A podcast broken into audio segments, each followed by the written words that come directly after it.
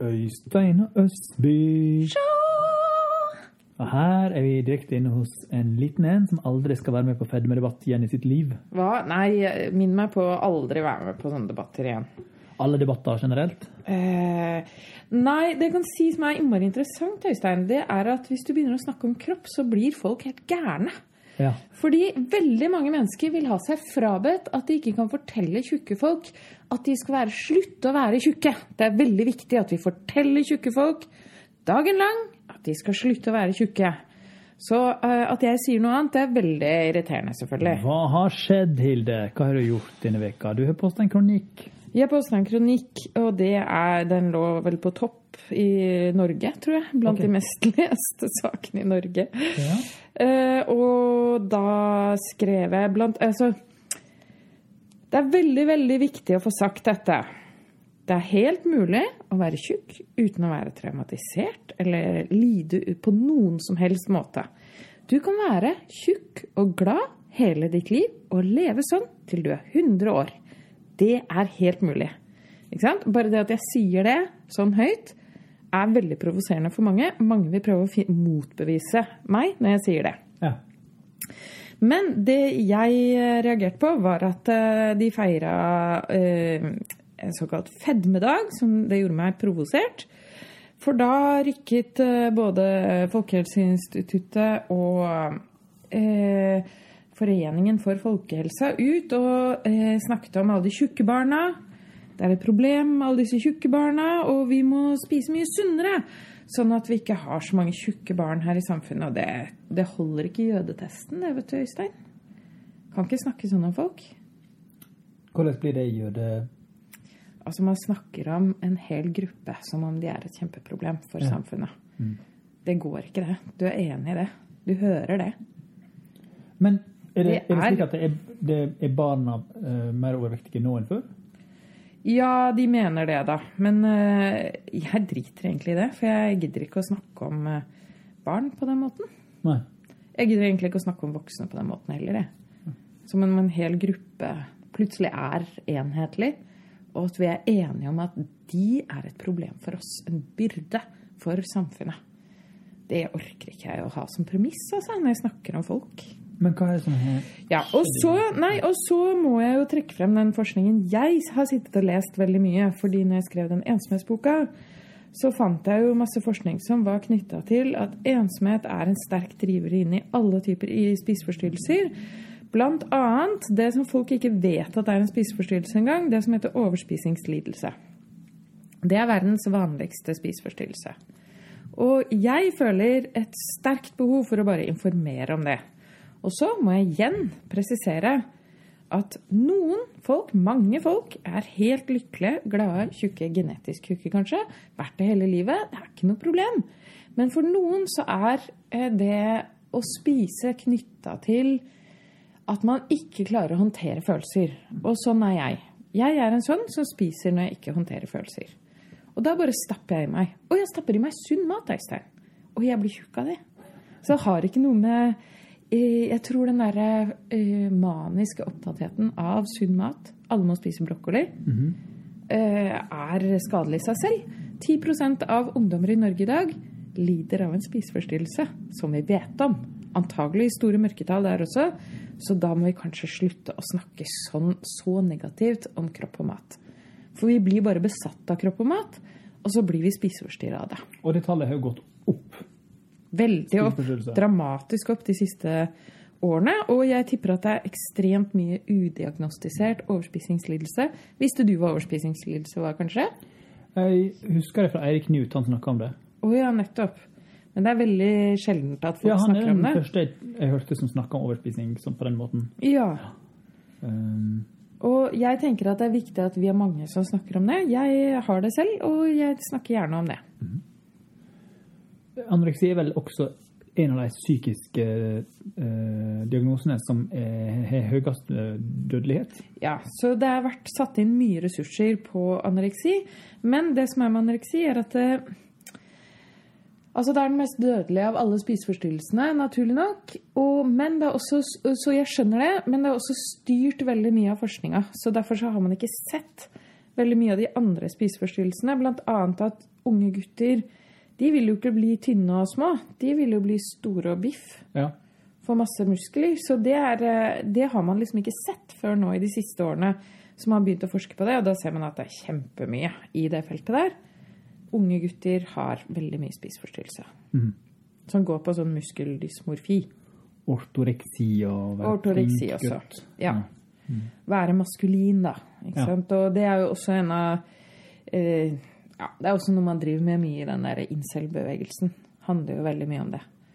Altså misunnelsen, eller liksom besattheten av denne eh, liksom sterke maskuline kroppen, da, som de selv ikke får. The Chad. The og da, ja. der, er det, der blir det mer en sånn hat, en sånn misunnelse til de som bare er sånn. Ja.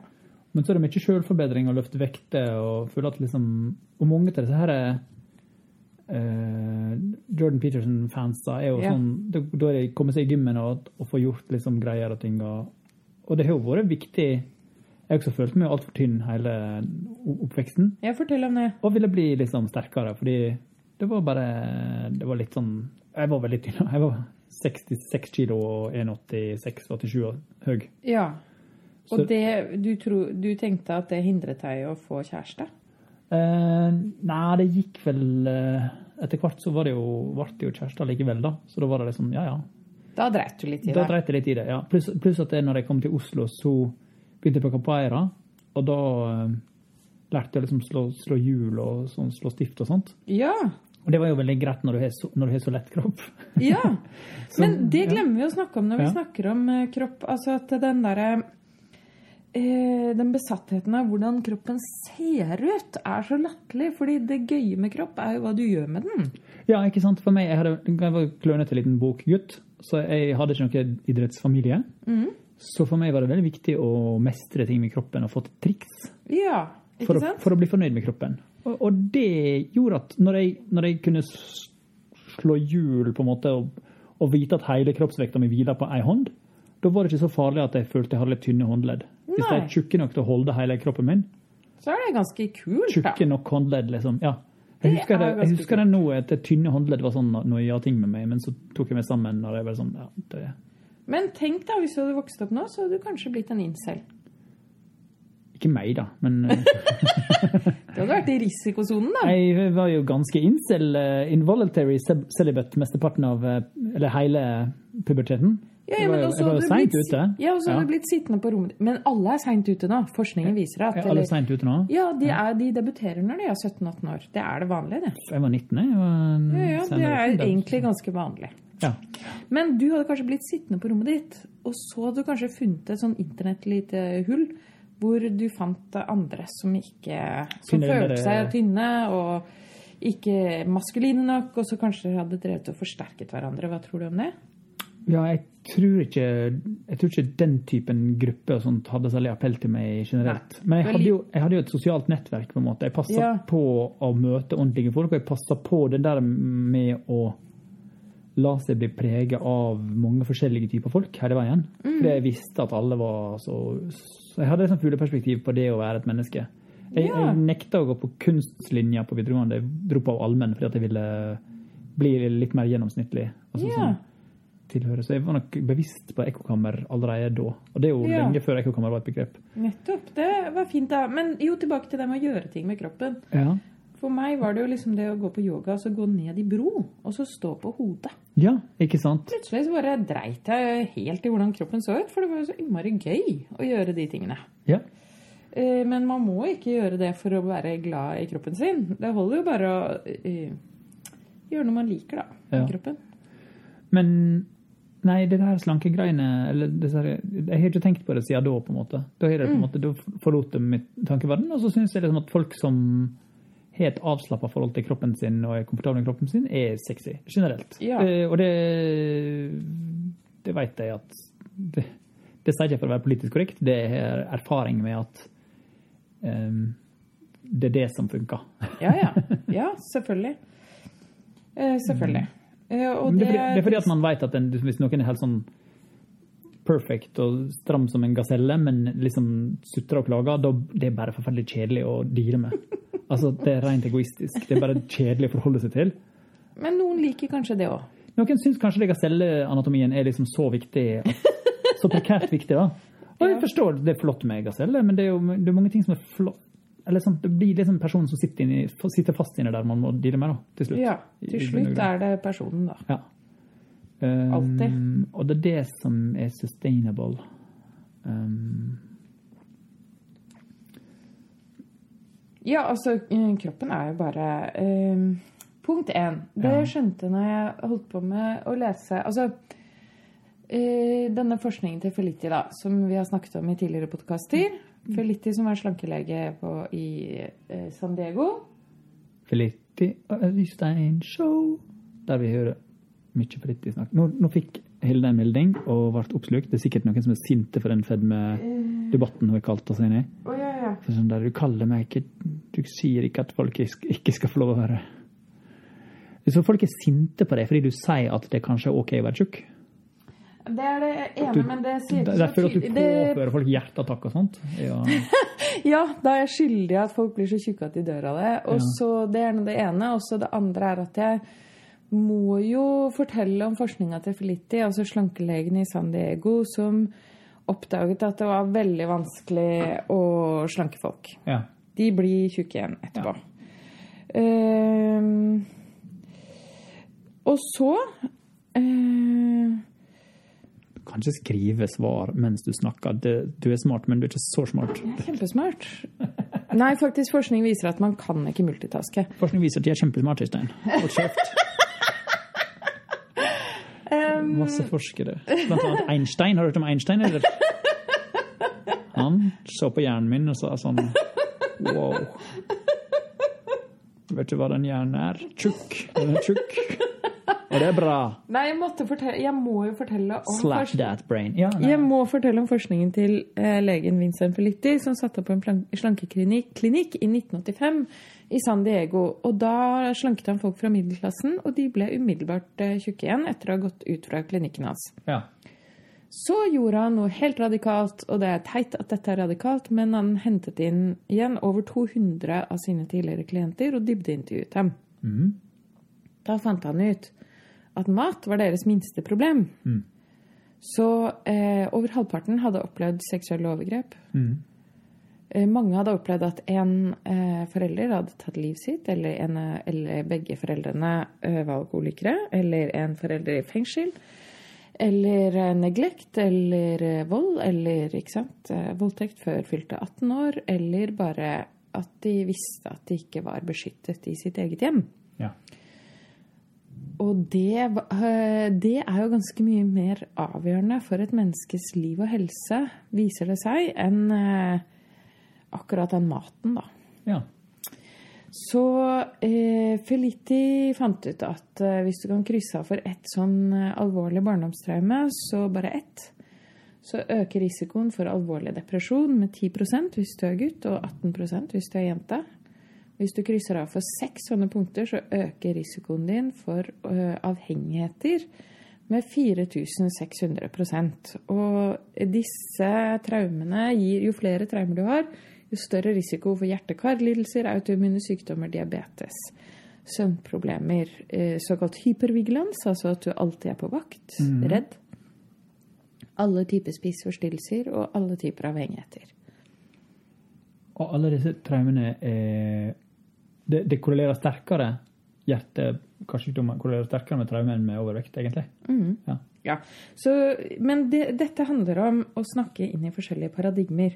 Så noen snakker inn i et sånt rent somatisk paradigme. Og i et sånt somatisk paradigme så er det sånn Du putter fett inn i kroppen, du får hjerteinfarkt. Ja, da ser man en, da, altså, du ser en korrelasjon mellom hjerteinfarkt og uh, overvekt. Sånn er det jeg ser det, i hvert fall. Okay. Mens de, jeg, de forskerne jeg snakker med, og de fagfolkene jeg snakker med, de kjenner til Felitti, og de kjenner til hele dette psykosomatiske. Og Ja. det betyr at eh, giftig emosjonelt stress, det er tredje variabelen. Ja, Det er det som ligger bak både overvekt og hjertekarlidelse mm. Og kreft og alt som er. Så det betyr at det liksom av korrelasjonen mellom psykisk uhelse og overvekt, så har forskninga eh, oppdaga en objektiv og veldig veldig fast korrelasjon mellom overvekt og forskjellige typer uhelse, men den egentlig, Den handler egentlig ikke om overvekta som forårsaker uhelse. Nei.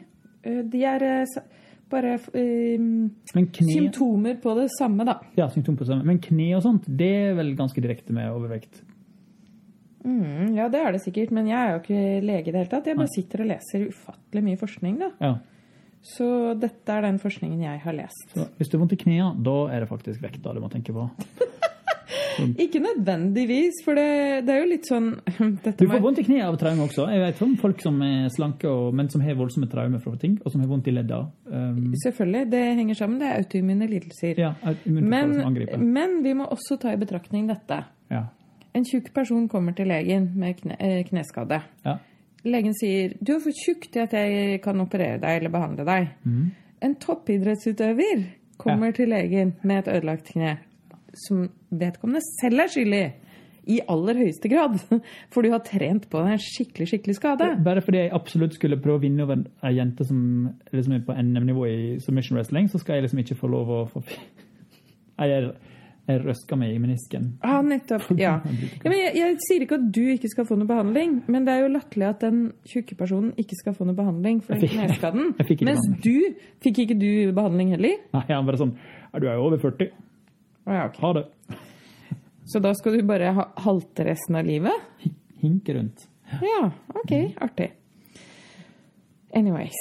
Ja. Hele helsesystemet er jo rigga sånn at uh, uansett hva du kommer med til en lege, så hvis du er tjukk, så vil de fortelle deg at du skal gå ned i vekt først. Og det er fordi du er tjukk, ja. Nettopp. Ja. Okay. ja. Så ikke sant eh, Jeg har jo helt sunne, veldig sunne og friske venner som kommer til legen som sier du må slanke deg. ja. Som er gravid, får høre du må slanke deg. Helt frisk, ingen andre symptomer, du må slanke deg. Hvorfor? Hvorfor? Hvorfor? Punkt én utsette kroppen for det stresset. Punkt to slanking virker ikke. ja. Det er en veldig kortvarig vektnedgang som du igjen tar igjen sånn ekstra mye seinere. Så da skjønner ikke jeg helsesystemet, for da opererer det ikke logisk.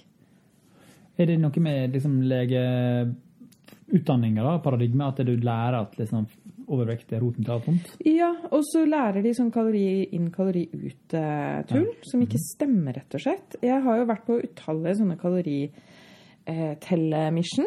OK, i dine egne slankende dager? Ja, Ja? eh, det er ikke så lenge siden heller. Nei? Jeg har hatt sånne apper, forskjellige apper, vektklubb på VG. Altså, som regel har jeg ligget under det som er liksom eh, regnet som lite kalorier, Ja. og likevel legger jeg på meg. Ikke Ja. sant? Og det mener du er uh, Men hva med den her medisinen som kom nå? Det var en uh, ny uh, Ja. pilleting. Ja, er ikke det flott? Ja, jeg vet da faen. Det som er fint med piller, er at det aldri er bivirkninger. Ja. Eller hva, Øystein? Jeg vet ingenting om den pilla. Men jeg, det er selvfølgelig masse bivirkninger. hvilke da? Vet du det? Det vet jeg ikke, men dette vet jeg fra overvektsfeltet. Ja. De, eh, de jeg snakker med i det feltet her, de er dypt skeptiske til den pillen. Okay. De som jobber med uh, folk med overspisingslidelse. Men den spises som bare rakkeren i USA. Nå Jeg har hørt at det, det, det, det, du blir slank på en sånn spesifikk måte, sånn at de kaller det eh, Det navnet på en pille. Sånn osytramfjes. Du får en spesiell type fjes. Nei, jeg vil ikke ha en spesiell type fjes. Nå skal du få en spesiell type fjes. Nei, nei, nei, nei, nei. Uff a meg. Ja. Jeg tenker at vi har mye mer å tjene på å snakke vakkert om alle kropper. Jeg tror vi har bare alt å tjene på det. Fordi, fordi Øystein, diskriminering, det er skadelig for kroppen. Og det har vi snakket Det har om vi før. snakka masse om i denne podden. Ja, hvordan det bryter ned kroppen innenfra. Hvor skadelig det rett og slett er fysisk. Så da kan vi bare slutte med diskrimineringa. Ja, og det minner meg på at eh, Nei, nei, jeg orker ikke gå inn på Sumaya Gjedde-saken, men hun har jo ikke vært et pip fra sida Nei. nei, på lenge. Nei. Helt vekk. Og, Det er forferdelig trist. Ja, det, hun er ikke med i den offentlige debatten, mens Atle Antonsen har søkt penger til et filmmanus som heter Blackface, som utvikler et filmmanus. Hva? Er det sant? Søkte Norsk Filmfond Nå? i januar-februar. Herregud. Han sier jo at det handler om noe annet. Um, ja. Anyway. Det er jo alltid noe å tjene på dette for de rette folka. Det blir sikkert en eh, Det blir sikkert eh, Kunstnerisk så forstår jeg det. Man, man skriver jo manus om det man opplever sjøl. Menneskelig syns jeg det er en dårlig idé, og at det vil medføre forlenga drit og lidelse for Sumaya dårlig, og at jeg syns Atle kunne ha skrevet det manuset under pseudonym, og kanskje ikke søkt statsstøtte til å manusutvikle det sånn, på bekostning av andre folk som kanskje trenger eh, manuspenger av staten mer. Ja. Så det er sånn dobbeltflaut. Det er sånn, bro, har ikke du råd til å sitte og skrive et manus på egen hånd? Har ikke du liksom hus? Ja. Ja, ja. Um, så jeg syns ikke det var Jeg syns ikke det var Umusikalsk, da. Det er vel det. ja. Og her som jeg hadde så godt inntrykk av Atle Antonsen fra før. Det hadde ikke jeg. Uff a meg. Men nå kan vi ikke snakke mer om han, for jeg bare blir litt sånn sinna av det. Eh, la oss snakke om noe annet. Ehm. Å nei. Det var dette du ville gjerne Nei, diskutere. nei det, var, det var dit vi kom. Det var det. Um, uh, Hva har du gjort i det siste, Øystein? Hva føler du nå? jeg, uh, Er livet ditt bra eller ikke? jeg, uh, Du driver og flytter, det er emosjonelt for deg. Emosjonelt, styrete. Ja, Jeg vet ikke inn på det. Nei, det, det, det var komplisert, men jeg liker Men du tør ikke å snakke om på- følelser, du. Det stemmer, det. Ja, vel, ikke det. Jeg er ikke Er det fordi du er fra Vestlandet? Jeg er den, eh, er den eh, inneslutta av oss her i podden. Jeg bare finner på vitser for å slippe å snakke om meg sjøl. Men er det fordi du er fra Vestlandet? Det kan være. Men jeg tror jeg snakker ganske mye om følelser til personer å være. Ja da, du snakker om følelser med meg, da. Ja. Men så føler du sånn skam utad. Være sånn på pod og holde på, det vet jeg ikke. Jeg synes det, Men, Men er vi kan ting. ikke, men vi kan ikke bli den nye Fetisha Williams og Sofie Elise Isaksen. uten å snakke om Uten om rundpulinga vår. Ja, og sånn følelser og sånn. Altså, de snakker om sånn Paradise Hotel. Har du blitt tilbudt å være med i Paradise Hotel? Jeg ble tilbudt å være med i en av de som er å gå i fjellet. For da kunne vi få sånn gratis telt og støvler i sånn sponsorpremie. Hæ? 71 grader nord? Den, ja! ja, ja. Ble du tilbudt å være med der? Eh, ja, ja, en av de. Ja. Det hørtes vagt ut. En av dem? Et eller annet sånt. Et eller annet sånt? Ja, men Fins det mange? Nei, det var Jeg aner ikke, jeg jeg ser aldri på TV. Det var et eller annet med å gå masse rundt no, over noen fjell. Det, ja. Men altså, jeg kan ikke noe om dette. Men Nei, nei. 71 nei nå, var ikke, nå var sånn, nå var litt over, over Nei, men vi later som det er det. Det er helt greit. Da Nei, men nå kjente jeg at jeg koketterte ved å ha glemt hvilken det var. Eh, Men det var ikke sånn kjendiskvota mi. Det var ikke sånn fordi oi, du lager bøker. Det var fordi vi skal ha en ukjent fyr som virker litt rar. Ja, Det var greia. Men hvorfor sa du nei? Husker ikke. Var ikke opptatt av det. Jeg angrer nå, da. Tenk hvis jeg hadde liksom gått på fjellet i 71 grader nord, og så eh, eh, et eller annet, et eller annet profit. Tenk om du hadde gått over fjellet med 71 grader nord, og så Ja. er det slitsomt. Ja. Veldig kaldt, man må sove i telt. Å, det er så ubehagelig. Og så er det masse kamerafolk der i tillegg. Og masse fremmede folk. Jo, men tenk, jeg må- blitt hele Norges Øystein Runde. Bare sånn fjelløystein. Litt sånn ja. der ingen kunne tro at no, noen kan bo Kanskje på aktig. Ja, er det sånn typen Han er litt Han er som han, Han har litt noe for seg. Han har det beste. Han. Eh, jeg har ingen anelse om eh, hva som var grunnen til at jeg ble spurt, eller hvordan det her eh, skjedde. Når var dette? Lenge før pandemien. Å ja, Mm. var det. Jeg har aldri blitt spurt om noe sånt. Eh, nei, du er kanskje for etablert som forfatter? Teaterredaktør? Nei. det Kommer sånn fire siders middag? Er ikke du kjendis nok til at jeg kan Nei, det er vel ikke. Så du er mellom to sjikt? Du får ikke Jeg er, jeg er C-kjendis, kanskje. Og jeg hadde også muligheten til å være med i D-kjendis. Tufte IL. Det derre Å oh, ja, ja, ja, men det er kjempelenge siden. Ja. Det var, veldig lenge siden. Det var da terskelen var veldig lavt, var det ikke det? De sendte ut en åpen søknad til Tegneserie-Norge for å få sånn det. tegneserieskapere til å være nerd på TV. Ah, Og vi var sånn sure og sånn nei. Fordi dere ville ikke være nerd på TV. Ja, nå kan vi angre, for det er jo de som tør å være nerd på TV, som kommer seg opp og framover i verden. Er det? Er du sikker? Det virker jo sånn, da. Hmm. Som om reality-stjerne er den eneste farbare vei for alle kulturarbeidere nå. Ja, det er vel det. Men kanskje, hvorfor kan de ikke lage noe sånn Det hadde vært veldig gøy. Bare. Noe sånn eh, Ikke i Altså en slags sånn Big Brother, bare fra i Kultur-Norge. Og så at Stenge inn 25 eh, kvinnelige forfatterdebutanter Ja, og Nils Rune sånn- Langeland i et stort hus. Nettopp! Og så må de skrive søknad til Kulturrådet. OK. Og det er konseptet. Ja, OK. Så blir det sånn veldig hard konkurranse. Sånn, hva skriver du i din søknad? Og, og sånn eh, at man eh, konspirerer mot hverandre og sånn. Vi kan ha, ja, putte masse serietegnere i et hus, og så og så er det, blir Vi kan kun leve av eh, det vi får av kulturstøtte. Med andre ord, alle kommer til å daue i løpet av tre måneder. Og så stiger temperaturen i huset med én grad for hver dag Akkurat fordi det er klimakrise. til 71 grader, som er sånn siste dagen. Dette er et supert konsept, da! Mm. Og i mellomtiden tegner dere i vei. Det er ikke så gøy å se på forfattere jobbe, men dere kan jo liksom tegne. Tegnerne er faktisk litt visuelt. Det er jo eh, ordentlig visuelt. Ja, dette er jo et kjempekonsept. Alle serietegnere i Norge er mer eller mindre sine egne figurer IRL. Altså sånn Ja, det er sant. Uh, Men det blir veldig lite sånn sexskandaler av dette, da. For det er jo bare menn. ah, Nei, nå tar du nok litt feil her. Og jeg gjør det. For det første så er det en, Nå er det en del unge kvinner. det er en, eh, det er en god balanse, og det er mye Det er Lise Myhre. Hun har ikke møtt nesten, men jeg møtte på en forlagsfest. Ja. Men Tegne-Hanne. du Hanne, hun som har akkurat født sin andre baby. Ja, Ja. koselig. Det er bra TV. Ja. Tegner Hanne som skal begynne å føde. ja. Eh, Uh, Malin Falk er blitt sammen med en reelt kjendis. Oi! Hun har blitt sammen med Tinius. Jeg vet ikke hvem det er. Eh, Broren til Aslak, men hva er det nå? Mora er jo veldig kjent, men nå har jeg glemt alt. Um, Ja, OK. Ja, jeg vet ikke hvem det er. Pointet er Det, det kan bli spennende. Det er pointet. Dette er et bra konsept. Vi selger det han til høyspydende. Malin Falk som lager Nordlys-tegneserien, hun var jo i Ja. et realityshow som het et eller annet Kjærligheten. Blind oh, ja, kjærlighet. Okay. Uh, masse kjærlighet. Eh, sykt kjærlig kjærlighet. Det er masse folk som kanskje var litt sånn usikre og, og fortvilte om, om love. Okay. De eh, skulle bare henge sammen og gå liksom og date på en veldig trygg måte. Det var visstnok veldig wholesome reality. Oh, ja, ok. Veldig det. sånn, ja, det er veldig sånn gossent. Og Malin og Tinius Stinius! Stinius heter han. Okay. Uh, han er broren til en jeg kjenner, Aslak, som er Ja. kjempekul. Ja. Uh, han er Norges Aslak er Norges raskeste sånn tekster til TV.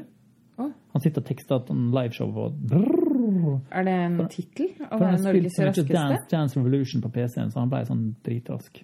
Oh, okay. Så jeg at broren til eh, Aslak skulle være i et eh, datingshow med Malin, så sa jeg at sånn Nå kan våre verdener endelig smelte sammen til et hellig barn. Og så gjorde jeg det! Så fantastisk. Ah, og Stinius virka sykt koselig. og nei, det, det er fantastisk. Så det er Malin vel unt. Ok, ja, nettopp. Ja, ok. Men nå mister vi fokus. Vi skal jo bli rike på å utvikle dette konseptet. Å ja, sånn, ok. Her er konsept 1. Eh, 71 grader eh, mm, to- tortur. Serietegnere som eh, begynner i et iskaldt hus. Som eh, et dritkaldt hus med null grader. Og så tenker de ja, hm, dette kan bare bli bedre. Og så må de samarbeide med å lage den beste kulturrådssøknaden. Eller bare tegneserien, kanskje. Ja, tegneserien, ja, ok, selger ja. Mm. Den via, ja, kanskje jeg kan selge det via nett og få inn sånn spenn. Ja. Og så og kanskje ditt, ditt tegnetalent individuelt gir deg individuelle fordeler inn. Ja. Og så kan du ha sånn der, så kan alle se at liksom Lise Myhre eh, får mer Hun får finere seng og bedre mat enn oss andre. Så må vi spise sammen. Ja. Og så blir de misunnelige på hverandre og begynner å hate hverandre. Vi får ikke sånn. lov å dele maten. Frode Ja. Øverli får sånn, han, han er der, og han får sånn russisk kaviar. Og, ja. Ehm, OK, det er tegneserieskaperne. Og så den varmeøkninga er liksom en sånn skrekk, eh, angstbyggende, da. Og så etter hvert så bare besvimer vi og dør. Nei, det er kanskje ikke Kanskje den utryddelsen ikke er så bra, da. Men uh, liker litt å ha ei tikkende klokke. Jeg tenker at dette er bra, jeg. Ja. Har du lest noe bra i det siste? Jeg har akkurat lest Anja Dahl Øverby sin tegneserie, uh, 'Tarjei 13 år'. Oh, ja, ok. Ja. En veldig fin skildring av en 13-åring som uh, foreldre har skilt seg, og han driver og dealer med det. Så oh, enkelt. Ja. Eh, sånn som jeg aldri ville komme på, men som er veldig sånn fint å lage bok om. ja, koselig. Jeg har nettopp lest 'Om bare' av Vigdis Hjorth, Ja! Som er så utrolig bra. ass. Ah, hun jeg møtte, hun er så kul. Ja, hun er helt fantastisk. Jeg møtte henne flere ganger. Ah, shit. Jeg regner henne som min beste venn. Gjør du det? Men jeg har truffet henne fire ganger, kanskje. kanskje. shit. Er det Vigdis og Hildes show snart? Ja, du Nei, blir byttet ut. Hjort og Østby. Sorry. Ja. Dere driver ikke med fornavn, dere. Nei, vi gjør ikke det. Nei. Vi er kvinner. Vi vil gjerne bli tiltalt ordentlig. Vi Nei, jeg har truffet henne noen ganger, vært i sånn litteratursammenheng med henne. Men det jeg skulle si, var at Om bare handler jo om en sånn besettende kjærlighet. Og det er så kult at språket gjenspeiler den besettelsen. Ah, Så det går igjen i syntaksen, og det er et eller annet sånn Veldig sånn hesblesende gjennom hele boka, skjønner du? wow. Ja. Og det er så utrolig godt gjort. Ja. Den derre Du føler du har lest egentlig bare én hel setning når boka er over. Selv om det er punktum, altså. Men det, du har den derre Og så skjer det, og så skjer det, og så kommer han, og så? De bor i hver sin by, han må besøke en Først blir hun helt besatt av han når hun treffer ham første gang. Arnold Busk. Hun blir besatt av Arnold Busk, som er professor i germanske språk på Universitetet i Trondheim. Og så Hun må ha han, og hun er ikke så glad i han mannen hun er gift med og har to barn med. Men det er jo Hun er jo gift med han fyren. Ja. Nei, hun er ikke gift med Ah, Arnold Busk. Nei, men han, er hun med sin mann, ja. ja, hun er gift med en mann, og så skiller hun seg, og da eh, bare må hun ha Arnold Busk. Arnold Busk er også gift, og så, men han, er, han ligger rundt, liksom. ja. Så hun blir helt besatt av det. Han er konstant utro. Jeg skal ikke spoile hele boka, men den er, den eh, er virkelig en god beskrivelse av Altså For meg Jeg tenker Arna Busk ikke fortjener henne i det hele tatt. Og jeg tenker at den, Tenker du henne som Vigdis Hjort? Ser du liksom for deg Vigdis når du leser den? Kanskje litt, men eh, ja, hun er en egen karakter, da. Hun er jo dramatiker, hun her, da. Ja. I Radioteatret. Som også er veldig gøy, at hun er radioteaterdramatiker. Som jo er en ganske døende jobb, egentlig. Veldig relatable for alle leserne. Bare sånn Ja, det er akkurat som meg. Jeg tenker det er veldig relatable for meg, for jeg føler jo at bøker dør, da. At eh, snart Ja, er det ikke noen radioteater bøker. dør jo ikke. Man har jo, alle har jo radio, eller lydbok iallfall. Ja, det er sant. Man har jo i hvert fall podkast, da. Ja. Eh, Så folk er jo veldig opptatt av å høre på ting. Hallo? Hører dere på oss? Eh, ja, ja Du der ute. Ikke, å, nå, nå var det høyt her. Oh, ja, ok. Jeg bare skal sjekke at det er noen som hører etter, Øystein. Ja, det er fint. Tror du det er det? Ja. Det du kan gjøre, du kan gå nærmere og snakke litt lavere når du går nærmere. Da får du nærhetsfølelsen, men det blir jeg er veldig nær deg nå. Fremmede person der ute. Men da får du liksom nærhet. Du merker nærhet, men det er likevel ikke et helvete i volumet, da. Det Ok, liksom. var det et helvete i volumet, stakkar deg der ute? Det stemmer, det er Hilde Østby. Ja. Det- Men, men du trekker deg automatisk litt unna når du ler. Så det Ja, det gjør jeg. Du er flink. Ja. Det er fordi jeg har merket at folk liker ikke at jeg ler. Du merker at jeg liksom får smerte i øynene når hodetelefonene popper ut Nei da, det er bare at livet mitt er preget av at jeg har ledd veldig høyt, og at folk har blitt veldig irritert av det. Skjønner du? Er livet preget av det? Mitt liv. Åssen da? Eh, jeg ler veldig høyt, og folk liker ikke det. og Noen ganger så roper folk at jeg er full bare fordi jeg ler høyt. Denne podkasten er jo tufta på at folk vil høre deg le og le og le. Er det sant? Ja, det er mitt uh, yes. min drivkraft. Men hvorfor ditcher vi ikke deg, egentlig? Og så kan jeg bare, du vet, le. Nei, det, det blir litt rart hvis du bare er en time av deg som ler høyt.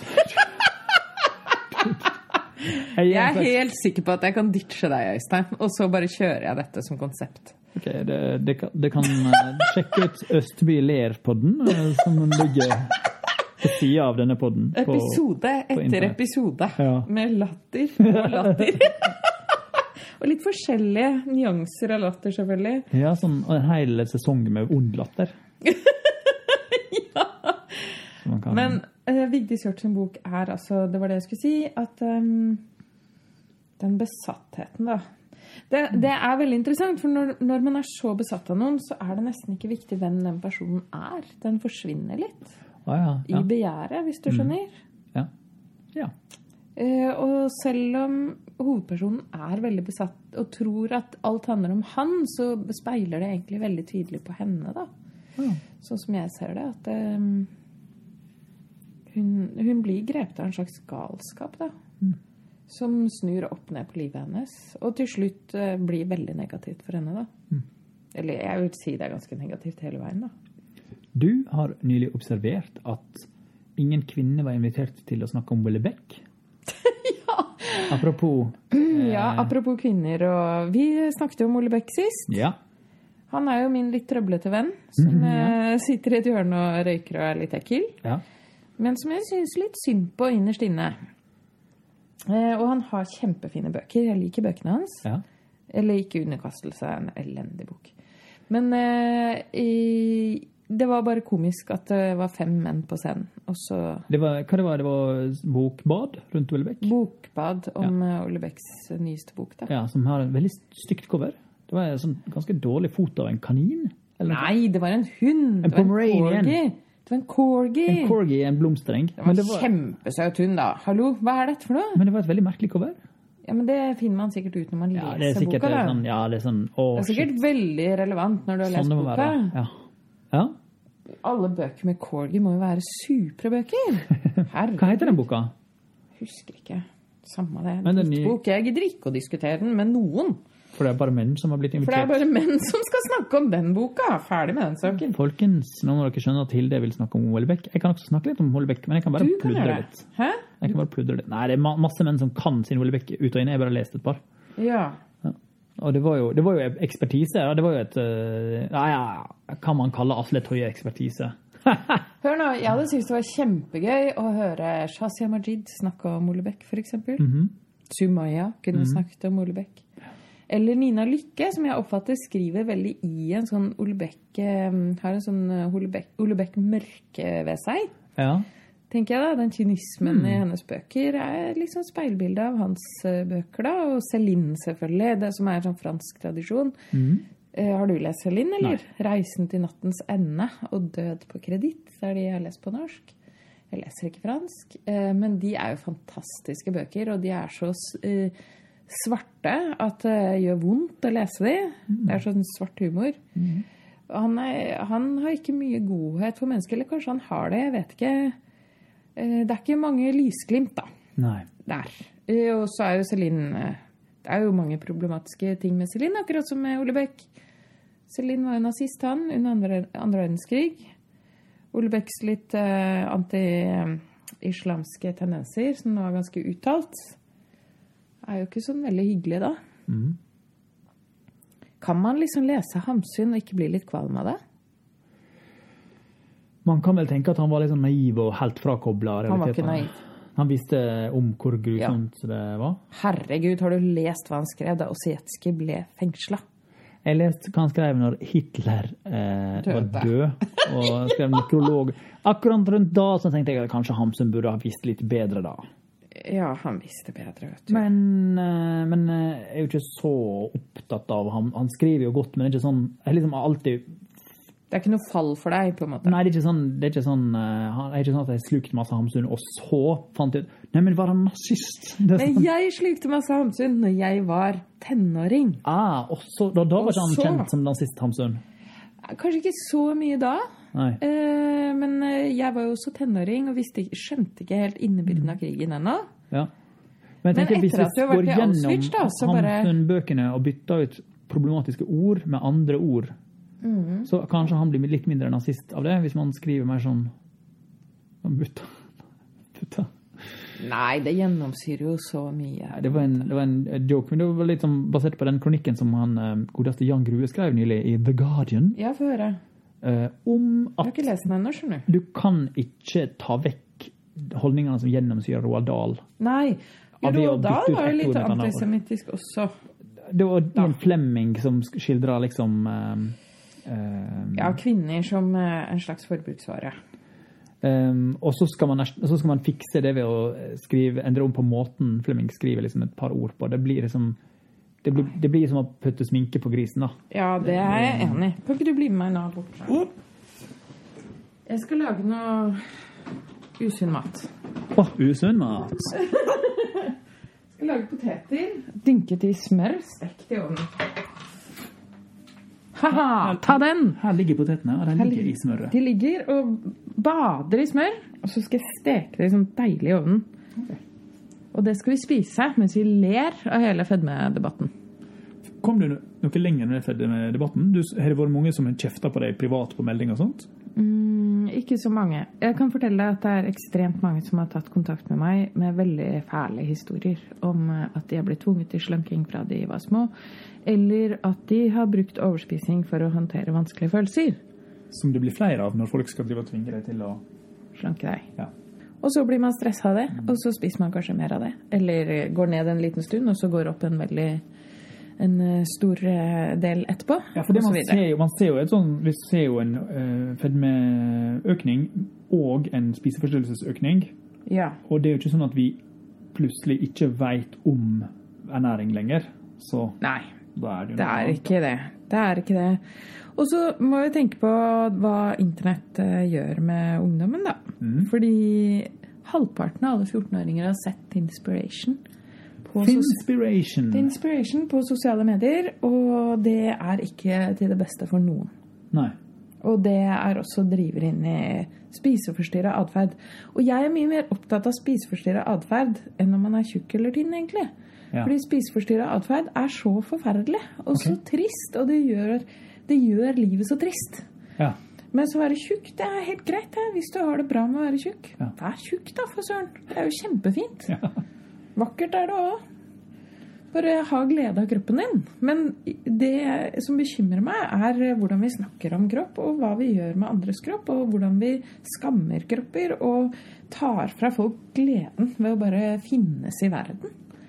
Det som er også gøy, er at disse her Excel-modellene, Ja, som skal være sånn plus size de er jo ikke det. Men de får jo også da sånn padding på kroppen, sånn at de skal ha en, en uh, viss type kropp, men ansikta Ja, er smale likevel, da. ja ikke sant. Eh, Så da er vi jo nesten Da er vi er under psy psykogreier allerede. Bare der. Klarer man å rote det til overalt. Ja, det er ikke så vanskelig, det. er Hvis du skal selge ting til folk som er usikre. Ja, det er klart det er best å selge til de som er usikre. Ja, ja. Du må passe på at folk eh, holder selvtilliten nede, for da kan du selge til dem så mye du vil. Folk som er trygge på seg selv, de kjøper ikke så mange ting. Men det jo, da er vi tilbake liksom på menn, da. Andrew Tate og Jordan Peterson. eh, Ja, de bidrar til Ja, men de, de, de ønsker jo å ha den her eh, Det er jo det som er markedet. da. Menn som trenger et eller annet. Mm. usikre menn. Ja. Det er perfekt, da. Så hvem tjener på det? At mennene holder seg usikre. Ja. Det er jo disse her som er på toppen da, av Ja. usikkerhetshierarkiet.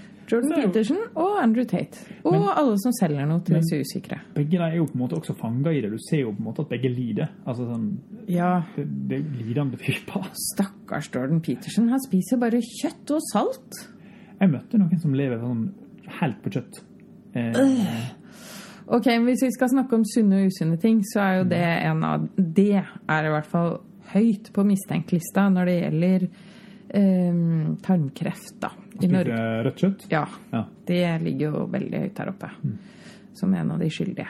Tarmen vår er ikke helt laget for det. Er ikke vi litt kjøttdyr? Jo, litt. Ja. Litt. ja. Ikke komplett. komplett diett bare bestående av kjøtt. Vi er jo omnivorer. Vi skal jo spise litt av alt mulig rart, egentlig. Litt rusk og litt rask. Litt rusk og litt rask og litt ørevoks og litt navlelo. Tenk at vi kan spise sopp. Det syns jeg er At vi skal- Sopp. Du elsker sopp, du. Jeg digger sopp. Liker ikke du sopp? Jo, jeg elsker Ja. sopp. Men altså, det Jeg plukker sopp til meg, gjør du? Men ting som verken er dyr eller plante, og som likevel er liksom på spiselista Men det kuleste av alt, Ja. Øystein, ja. det er jo slimsopp. OK, fortell om slimsopp. Slimsopp er jo en gjeng med amøber som eh, samarbeider Om å være en sopp. om å være et sopp. Så de er ikke en sopp. Det er en amøbeklump. Så da er de i dyreriket, egentlig? Ja, de er vel egentlig det. Okay. Så jeg sammenligner ofte menneskeheten med eh, slimsopp. Ja, ja sivilisasjonen er en slimsopp. Ja. Ja. Vi er en klump, liksom, som samarbeider. Oh. Forstår det sånn at det var veldig lite slimsoppforskning, for det var litt sånn usexy å være slimsoppekspert. Oh, ja! Men det er én ekspert i Norge, OK, hvem er det? og det husker jeg ikke. Nei. Men Også- han er, han er fullbooka ut året. Det har jeg skjønt. Jeg også lurer litt på om det er liksom litt lite rift om å være Uranus-ekspert i NASA-rommet. ja, tror du? Hvorfor? Hva med Pluto? Tror du ikke Pluto er min? Uranus-vitsene. Oh, oh, oh, I have a PhD in Uranus. Åh, ok. Men eh, sånn, det, Det var en bra pappavits. Det var det. den, eh, det verste er at det, liksom, det er folk som tydeligvis jobber i NASA, som ikke klarer å la være å komme med Uranus-vitser. Så Er det sant? ja, ja, ja. Det er sant? Men det er mye pappaer der, da. Det Ja, det er jo sant. et papparikt miljø. Ja, det er det vel, ja. Nettopp. Men hva kan en erstatte alle disse, her, disse suget etter Kardashians og helter og What Inspiration og Er det bare erstatte det med å bare bestemme seg for å ha det bra? Ja. Og så tror jeg det er veldig lurt å bare lese bøker isteden. Hmm. Som underholdning? Bare Bare for å få andre perspektiver. Se verden fra andre vinkler. Det er jo det bøker gjør med oss. Det er derfor det er så bra. Det er derfor de bruker det i biblioterapi. Ah, Vi bruker bøker til å se verden fra andre kanter, sånn at vi ikke blir eh, deprimerte. Så vi ikke blir så selvsentrerte, så vi ikke blir så selvbetraktende, så vi ikke, ikke sant, retter alt fokus mot, hvordan man ser ut. Hvis du leser dritmange bøker, så tenker du ikke på hvordan du ser ut. Det er en ting bøker har som ingen andre medier. Eller ja, radio har det. Men eh, bøker er det mediet der du mest av alt får oppleve innsida av noen. Ja! Tegneserier har jo alltid et ansikt og en strek. Mm. Film er jo alltid Chris Hemsworth, Ja. som er liksom Det er alltid han. vrien å deale med. Ja. og eh, ja. Eh, Så sånn sett. OK, så bøker er lik mental helse. Ja. Ja vel? Ja, jeg sier det. Det er brannfakkel. Det er motsatt av det de sa på 1800-tallet, når de sånn, «Jeg sitter og leser bøker dagen lang istedenfor å leve livet. Ok, bøker pluss dansing eller ja, capoeira Mm, eller stå på hodet. ja. Da er det bra. Buksen yoga. Ja. Buksen yoga, dagens tema. Ja. Natt i natt. Ha det.